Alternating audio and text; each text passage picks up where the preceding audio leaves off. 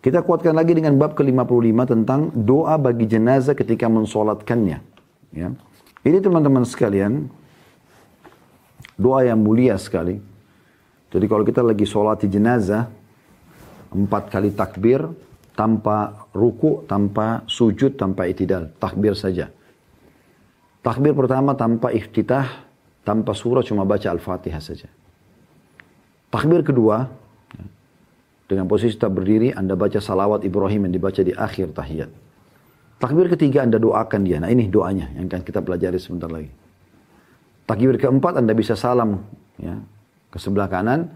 Ada pendapat lain yang mengatakan juga dilengkapkan dengan kiri boleh. Tapi yang kami pegangi satu kali salam saja ke kanan. Ya. Boleh Anda langsung salam, boleh Anda doakan diri Anda dulu. Nah sekarang kita ya, pelajari takbir yang ketiga, yaitu mendoakan mayit. Nah ini doanya yang diajarkan Nabi SAW. Allah magfir lahu, perhatikan, kembali lagi. Ya Allah maafkan dia. Warhamhu, kasihanilah dia. Wa'afihi, berilah dia keselamatan dari siksa. Wa'fu anhu, maafkanlah dia. Wa akrim nuzulahu, muliakan tempatnya. Wa wassi' mudkhalahu, lapangkan kuburannya Wagsilhu bil ma'i wal thalji wal barat. Basuhlah dia atau sucikan dia dari dosa-dosa dengan air, salju dan embun. Wa naqihi minal khataya kama naqqaita thawbal abyada minad danas. Bersihkan dia dari segala kesalahan sebagaimana engkau membersihkan baju yang putih dari kotoran. Wa abdilhu daran khairan min darihi. Ya Allah gantikanlah rumah lebih baik daripada rumahnya di dunia. Wa ahlan khairan min ahlihi. Keluarga lebih baik daripada keluarganya di dunia wa zaujan khairan min zaujatihi istri atau suami yang lebih baik daripada istrinya. Ya, dalam kurung atau suaminya di dunia. Wa adkhilhul jannah masukkanlah dia ke dalam surga. Wa a'idhu min azabil qabr dan selamatkan dia dari siksa kubur. Ya, dalam kurung wa azabin nar dan siksa neraka. Hadis ini riwayat muslim jadi dua halaman 663 jadi doa ini isinya banyak sekali ya permohonan kebaikan-kebaikan buat si mayit ya. Kita coba langsung bagi saja potongan pertama Allah magfir lahu ya Allah ampuni dia sudah kita jelaskan tadi pentingnya memohon ampun untuk mayit. Sangat penting. Nah, itu yang paling dibutuhkan. Jadi kalau ada orang tua anda sudah meninggal, kalau anda tanya kepada kami, apa yang saya baca Ustaz? Rabbi gfirli wali walidayya. Sudah saya baca Ustaz, ulangi. Pengampunan itu yang paling dibutuhkan oleh mereka yang sudah mati. Diampuni dosanya saja, sudah menandakan tidak akan masuk neraka. Maka itu sudah luar biasa. Kemudian yang kedua, warhamhu. Ya Allah, kasihanilah dia. Sifat Allah, Ar-Rahman Ar-Rahim. Ya. Allah itu maha pengasih. Kita minta agar Allah kasihani dia. Supaya jangan Allah murka pada dia. Itu maknanya. Yang ketiga, wa'afihi. Selamatkan dia dari siksa baik siksa kubur ataupun siksa api neraka. Ya. Bayangkan kalau ada seribu orang yang sholat, semuanya mendoakan begini, luar biasa ini. Potongan keempat, wa'fu anhu, maafkanlah dia.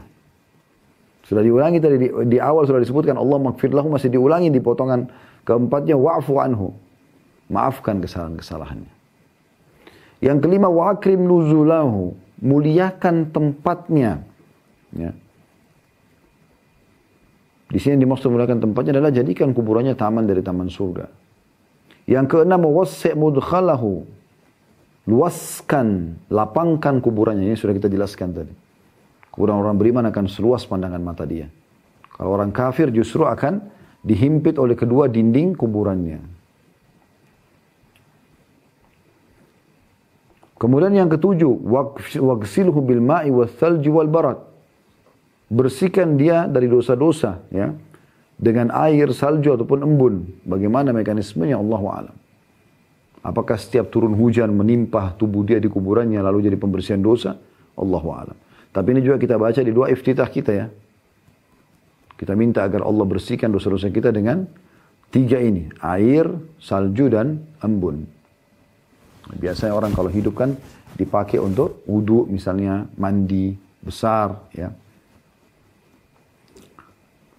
Kemudian yang kedelapan wanaki minal khataya kama naqqaita thawbal abida minad danas. Bersihkan dia ya Allah dari dosa-dosanya sebagaimana engkau membersihkan kotoran noda dari baju putih. Anda lihat kalau baju putih susah sekali untuk dibersihkan kan. Sulit sekali. Melekat itu. Ya. Jadi untuk mengeluarkan dia tidak mudah gitu. Kalau baju gelap kayak yang saya pakai ini mungkin ya ada noda tidak nampak kecuali orang dari dekat sekali. Tapi kalau putih nampak sekali. Di sini digunakan Allah ajarkan Nabi Muhammad SAW dan Nabi Muhammad SAW disuruh ajarkan kepada kita ya, bahwasanya ya Allah aku minta kepadamu agar orang mati ini bersihkan dosa-dosanya sebagaimana engkau membersihkan kotoran yang melekat di baju putih tanpa bekas supaya bersih benar dosanya. Diulangi lagi berarti ya. Berarti sudah tiga kali di sini dalam doa ini. Potongan pertama Allah makfirlahu ya Allah maafkan dia. Kemudian potongan yang keempat wa'fu anhu maafkan juga dia. Ya. Kemudian yang ketujuh, ya, diulangi lagi. Yang kedelapan, mohon maaf. Yang kedelapan, wa nakihi minal khataya kama yunakka thawbul abir, kama naqaita thawbal abir minad danas. Bersihkan dari dosa-dosa sebagaimana engkau membersihkan noda yang ada di baju putih. Ya. Yang kesembilan, ini menandakan ada kehidupan di alam kubur. Perhatikan, wa abdilhu daran khairan min darihi Ya Allah karuniakan dia rumah lebih baik daripada rumahnya di dunia. Coba bayangkan. Anda yang punya rumah di Menteng, di mana-mana, rumah yang Masya Allah besar, luas, semuanya serba leks, di kuburan bisa dapat rumah lebih baik daripada itu. Bagaimana caranya? Sederhana, iman dan amal saleh. Jaga iman yang Anda kepada Allah, tetap muslim, tetap mukmin dan amal saleh. Kerjakan apa yang Allah perintahkan, tinggalkan apa yang Allah larang. Pasti nanti kuburan Anda menjadi taman dari taman surga. Lebih baik daripada rumah anda di dunia. Ini ini ini ajaran Nabi SAW dari Allah Subhanahu Wa Taala. Mayit semua memohonkan, uh, yang hidup semua memohonkan buat mayit ini. Ya, berarti ada tempat tinggal di sana. Yang ke sepuluh, wa ahlan min ahlihi. Keluarga lebih baik daripada keluarganya. Yang temani dia nanti amal solehnya. Supaya yang temani dia amal soleh. Karena yang temani kita di kuburan nanti amal soleh. Hmm. Kemudian yang kedua belas ya, wa zaujan khairan min zaujatihi.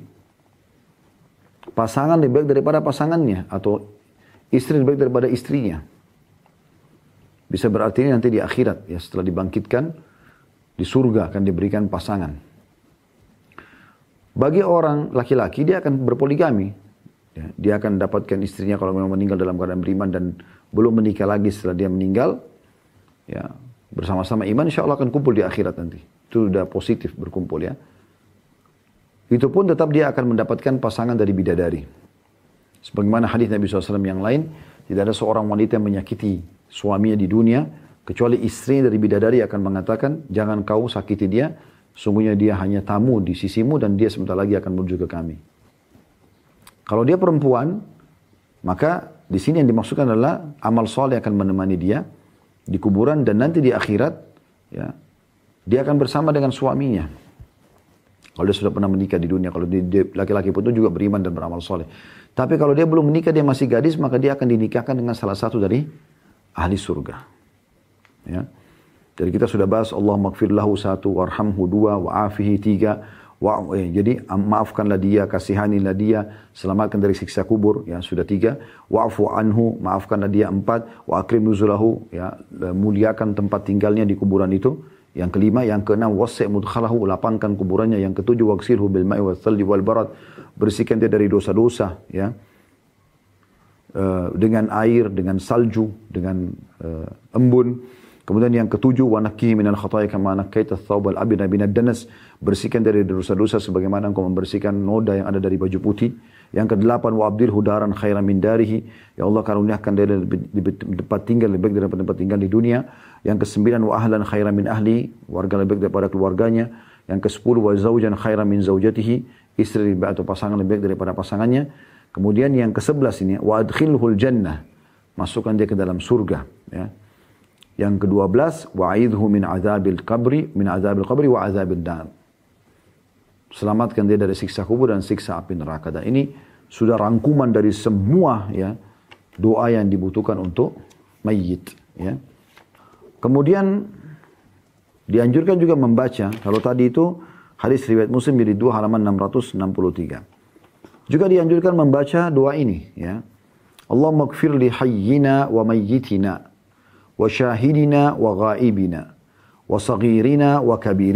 zakarina wa unthana. Allahumma man ahyaytahu minna fa ahyihi 'ala al-islam wa man tawaffaytahu minna fatawaffahu 'ala al-iman. Allahumma la tahrimna ajrahu wa la tudillana ba'dahu. Hadis ini Hadis diriwayatkan Ibnu Majah jadi satu halaman 480 dan Ahmad jadi dua halaman 368 dan disebutkan juga oleh Syekh Albani dalam Sahih Ibnu Majah di jadi satu halaman 251. Kembali lagi kita setelah mendoakan tadi yang panjang lebar Allah maghfirlahu warhamhu wa'afihi wa'afu anhu dan seterusnya sampai akhir tadi maka kita dianjurkan kita sudah minta tadi 12 atau 13 macam doa untuk dia ya kita janjikan juga di masih di takbir takbir yang ketiga di salat mayit kita membaca Allah maghfir li hayyina wa mayyitina. Kembali kita minta ya Allah ampunilah orang yang hidup dan juga orang yang mati di antara kami. Jadi kami pun yang ikuti salat ampuni ya Allah. Sebagaimana juga kami mohon yang ini sudah mati nih ampuni juga. Wa syahidina wa ghaibina. Dan juga yang hadir mengikuti salat ini, salat jenazah ini dan yang tidak hadir di antara kami. Nah, ini mulianya hati seorang muslim ya. Jadi dia bukan cuma mendoakan dirinya sama orang mati. Yang tidak sempat sholat sini pun karena belum tahu, karena belum sempat juga maafkan dia. Begitulah sifat orang mukmin. Potongan ketiga wasakirina wa kabirina. Demikian juga orang kecil di antara kami dan yang sudah dewasa. Semua kami mohon dimaafkan. Wa zakarina wa unthana. Laki-laki di antara kami dan perempuan juga di antara kami. Allahumma man ahyaitahu minna fahi alal islam. Ya Allah, siapa yang kau hidupkan di antara kami, masih hidup, masih diberikan umur beberapa waktu ke depan, maka hidupkan dia di atas Islam. Aslinya menerima Islam dan mengaplikasikan dalam kehidupannya. Oman tawaffaitahu minna fatawaffahu alal iman. Dan siapa yang meninggal di antara kami meninggalkan dalam keadaan beriman. Saya beriman kepadamu dan apa pun yang kau suruh, kami beriman. Iman kepada malaikat, kitab-kitab Rasul-Rasul pun iman kita. Kemudian Allahumma la tahrimna ajrahu. Ya Allah, janganlah engkau halangi kami untuk memperoleh pahalanya. Karena kami sholati dia, kami urus dia ya. Mayit ini, wala tudillana ba'dahu dan jangan kami jangan sesatkan kami sesudahnya. Maksudnya apa pun ya yang membawa pada kesesatan karena kami pun akan jadi mayit seperti dia, jangan sampai kami terjerumus.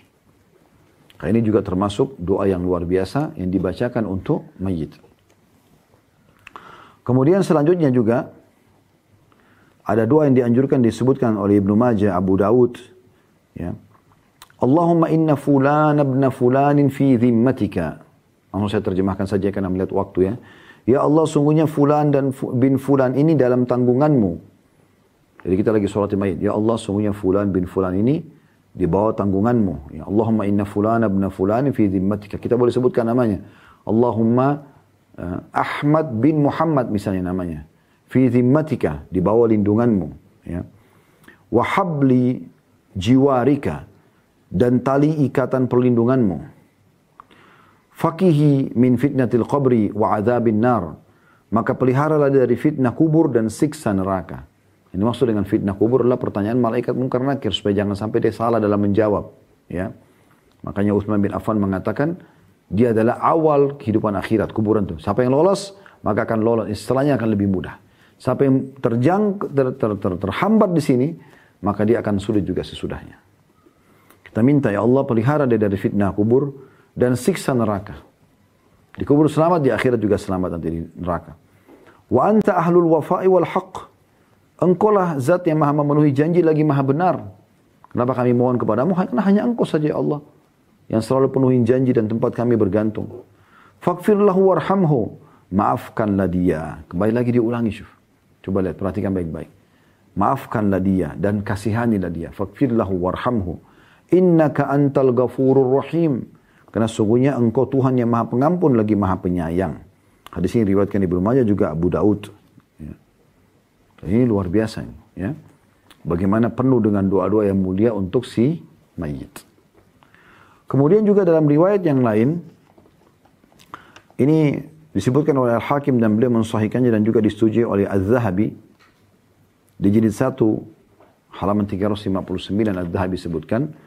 Potongan doanya adalah ajaran Nabi SAW. Allahumma abduka wabnu amatika ihtaja ila rahmatika wa anta ghaniyyun min wa anta ghaniyyun an adzabihi in kana muhsinan fazid fi hasanati wa in kana musian fatajawaz anhu Artinya ya Allah ini adalah hambamu anak dari hamba perempuanmu. Maksudnya ini adalah hambamu si mayit ini ya. Dan juga anak hamba perempuanmu. Maksudnya adalah ya hamba daripada ibunya. Ibunya kan anak perempuan. Eh, hamba perempuan Allah gitu kan. Dan dia sangat membutuhkan rahmatmu. Karena sekarang dia sudah mati. Butuh kasih sayangmu. Dan engkau tidak membutuhkan untuk menyiksanya. Dia tidak ada kepentingan Allah untuk menyiksa dia. Kecuali memang kena pelanggaran dia saja. Ya. Tapi kita sebutkan itu. Jika dia adalah seseorang yang berbuat baik, maka fazid fi hasanati. Tambahkan pahala dan amalan baiknya. Wa in kana musian fatajawaz anhu. Dan kalau dia melakukan pelanggaran maka maafkanlah kesalahannya. Maafkanlah kesalahannya. Jadi berulang-ulang disebutkan tentang ya kesalahannya maafkan, kesalahannya maafkan. Ini beberapa pilihan doa pada saat kita sedang sholat mayit. Baik kita tutup teman-teman sekalian dengan bab ke-56 baru kita buka pertanyaan tentang doa untuk mayit bayi atau anak kecil. Ya, karena doanya beda sedikit ya sama orang yang sudah dewasa tadi. Yang pertama adalah hadis yang diriwayatkan oleh Sa'id bin Musayyib rahimahullah. Ya, ini hadis disebutkan oleh Imam Malik dalam kitab Muwatta jadi 1 halaman 288 dan Ibnu Abi Syaibah dalam Al-Musannaf jadi 3 halaman 217, Al-Baihaqi jadi 4 halaman 9. Kemudian uh, Syuaib Al-Aranut yang menyatakan bahwa sanad hadis ini sahih ya, dalam tahkiknya terhadap syarah as-sunnah karya al-Baghawi jadi timah halaman 357 artinya hadis ini adalah hadis yang sahih kata Sa'id bin Musayyib rahimahullah seorang tabi'in anda bisa lihat di footnote 192 di bawah ya. Aku pernah mensoratkan seorang anak kecil yang belum pernah melakukan kesalahan apa pun di belakang Abu Hurairah. Masih belum balik gitu kan. Lalu aku mendengar beliau membaca doa. Doa apa? Allahumma a'idhu min azabil qabr. Ya Allah selamatkan atau lindungi dia dari siksa kubur. Ini yang dibaca doa yang paling pendek ini. Kita minta agar dia diselamatkan dari ya siksa kubur. Ini berarti menandakan anak kecil pun butuh didoakan. Jangan kita bilang oh, karena dia meninggalkan belum balik udah pasti masuk surga. Ya, tetap dalam syariat Nabi SAW dicontohkan oleh sahabat Abu Hurairah radhiyallahu anhu di sini kita ya doakan dia agar diselamatkan dari siksa kubur. Doa yang terakhir teman-teman sekalian adalah, atau dua buah doa yang terakhir ya. Yang disebutkan oleh Ibnu Qudamah dalam kitab Mughninya jadi 3 halaman 416. Demikian juga Syekh Abdul Aziz bin Abdullah bin Baz dalam kitab Ad-Durusul Muhimma li'ammatil ummah di halaman 15. Ya. Yaitu riwayat Allahumma ja'alhu faratan wa zukhran liwalidayhi yang artinya ya Allah jadikanlah kematian anak ini sebagai pahala pendahulu dan simpanan bagi kedua orang tuanya. Kenapa dikatakan begini? Karena memang ada doa, hadis lain yang menyebutkan kalau Nabi SAW bersabda akan terdengar suara gemuruh di depan surga lalu Allah bertanya kepada para malaikat. Ya, suara apa itu? Sementara ya, uh, Allah lebih tahu suara apa itu. Maka para malaikat mengatakan itu adalah anak-anak muslim meninggal sebelum balik. Maka Allah pun mengatakan apa yang mereka inginkan, mereka menginginkan kata para malaikat agar orang tua mereka dimasukkan bersama mereka ke surga. Maka Allah SWT mengatakan masukkanlah orang tua mereka bersama mereka ke surga. Jadi memang ada keutamaan yang bisa didapatkan di situ ya. Maka di sini teman-teman sekalian, anak-anak yang meninggal sebelum balik diharapkan bisa menjadi aset buat orang tuanya, penyelamat orang tuanya gitu. Potongan kedua dari doa ini setelah kita mengatakan Allah maja'lu faratan wa zukhran di walidahi ya Allah jadikanlah dia sebagai pahala pendahulu dan simpanan bagi orang tuanya. Potongan kedua wa syafi'an mujaban dan juga ya sebagai pemberi pertolongan yang diterima ya atau syafaat yang dikabulkan baginya. Bisa supaya nanti orang tuanya masuk surga bersama mereka. Potongan ketiga, Allahumma thakkil bihi mawazinahuma Ya Allah jadikan kematian anak ini sebagai pemberat timbangan amal kedua orang tuanya nanti. Ya. Dan Ya Allah beratkanlah timbangan mereka berdua dengannya. Itu potongan ketiga. Potongan keempat, wa'azim bihi ujurahuma. Agungkanlah pahala kedua orang tuanya. Yang kelima, wa'alhikhu bisalihil mu'minin. Ya. Dan susulkanlah dia, anak kecil ini bersama dengan orang-orang saleh dari kaum mukminin. Dalam hadis Isra dan Mi'raj disebutkan kalau Nabi SAW bertemu dengan Ibrahim AS di langit ketujuh dan di sebelahnya ada banyak, di sekitarnya banyak anak-anak kecil. Lalu pada saat Nabi SAW, Nabi Muhammad SAW tanya kepada Jibril AS, Jibril mengatakan itu adalah anak-anak muslim yang meninggal sebelum balik bersama dengan ya, orang-orang atau bersama dengan Nabi Ibrahim AS. Kemudian selanjutnya, jadi potongan pertama, ya Allah, Jadikanlah dia sebagai simpanan dan aset buat orang tuanya. Yang kedua adalah penolong yang pasti ya diterima syafaatnya. Yang ketiga, buatlah anak ini sebagai pemberat timbangan amal soleh kedua orang tuanya. Yang keempat, agungkanlah pahala kedua orang tuanya, maksudnya perbanyak. Yang kelima, ya, susulkanlah anak kecil ini bersama dengan orang-orang soleh dari mukminin. Yang keenam, waj'alhu fi kafalati Ibrahim Jadikanlah dia di bawah naungan Ibrahim AS. Tadi sudah kita jelaskan di Isra Miraj ini. Yang ketujuh, wakihi birahmatika azab al-jahim. Dan selamatkanlah dia dengan rahmatmu dari azab api neraka. Yang ketujuh, abdil hudaran khairan min darihi. Ya Allah karuniakan rumah lebih baik daripada rumahnya. Ya, yang kedelapan ya. Wa ahlan khairan min ahlihi. Dan keluarga lebih baik daripada keluarganya. Allah yang kesembilan, Allah makfir li aslafina Ya Allah maafkanlah orang-orang terdahulu di antara kami. Ya. Wa afratina. Dan orang-orang juga yang meninggal, ya, yang masih kecil dari kami. Wa man sabaqana bil iman dan siapa yang telah mendahului kami dari sisi keimanan. Ya. Ini doa dianjurkan dibaca pada saat orang sholat ada anak kecil yang mati. Yang terakhir Allah maj'alhu lana faratan wa salafan wa ajra. Ya Allah jadikanlah kematian ini sebagai pahala pendahulu simpanan, pahala awal dan pahala bagi kami. Ya. Hadis ini diriwayatkan disebutkan Hasan Basri rahimahullah. Pada saat Hasan Basri mensolati atau membaca Al-Fatihah di rakaat pertama solat jenazah, anak-anak dan beliau mengucapkan tentang doa ini. Allah maj'alhu lana farata wa salafa wa ajra. Ya Allah jadikanlah anak ini sebagai pahala buka buat kami. Ya, walaupun kita bukan orang tuanya. Allahu alam. Jadi ini anjuran ya untuk dibaca pada saat kita sedang sholat mayit. Ya, sholat mayit.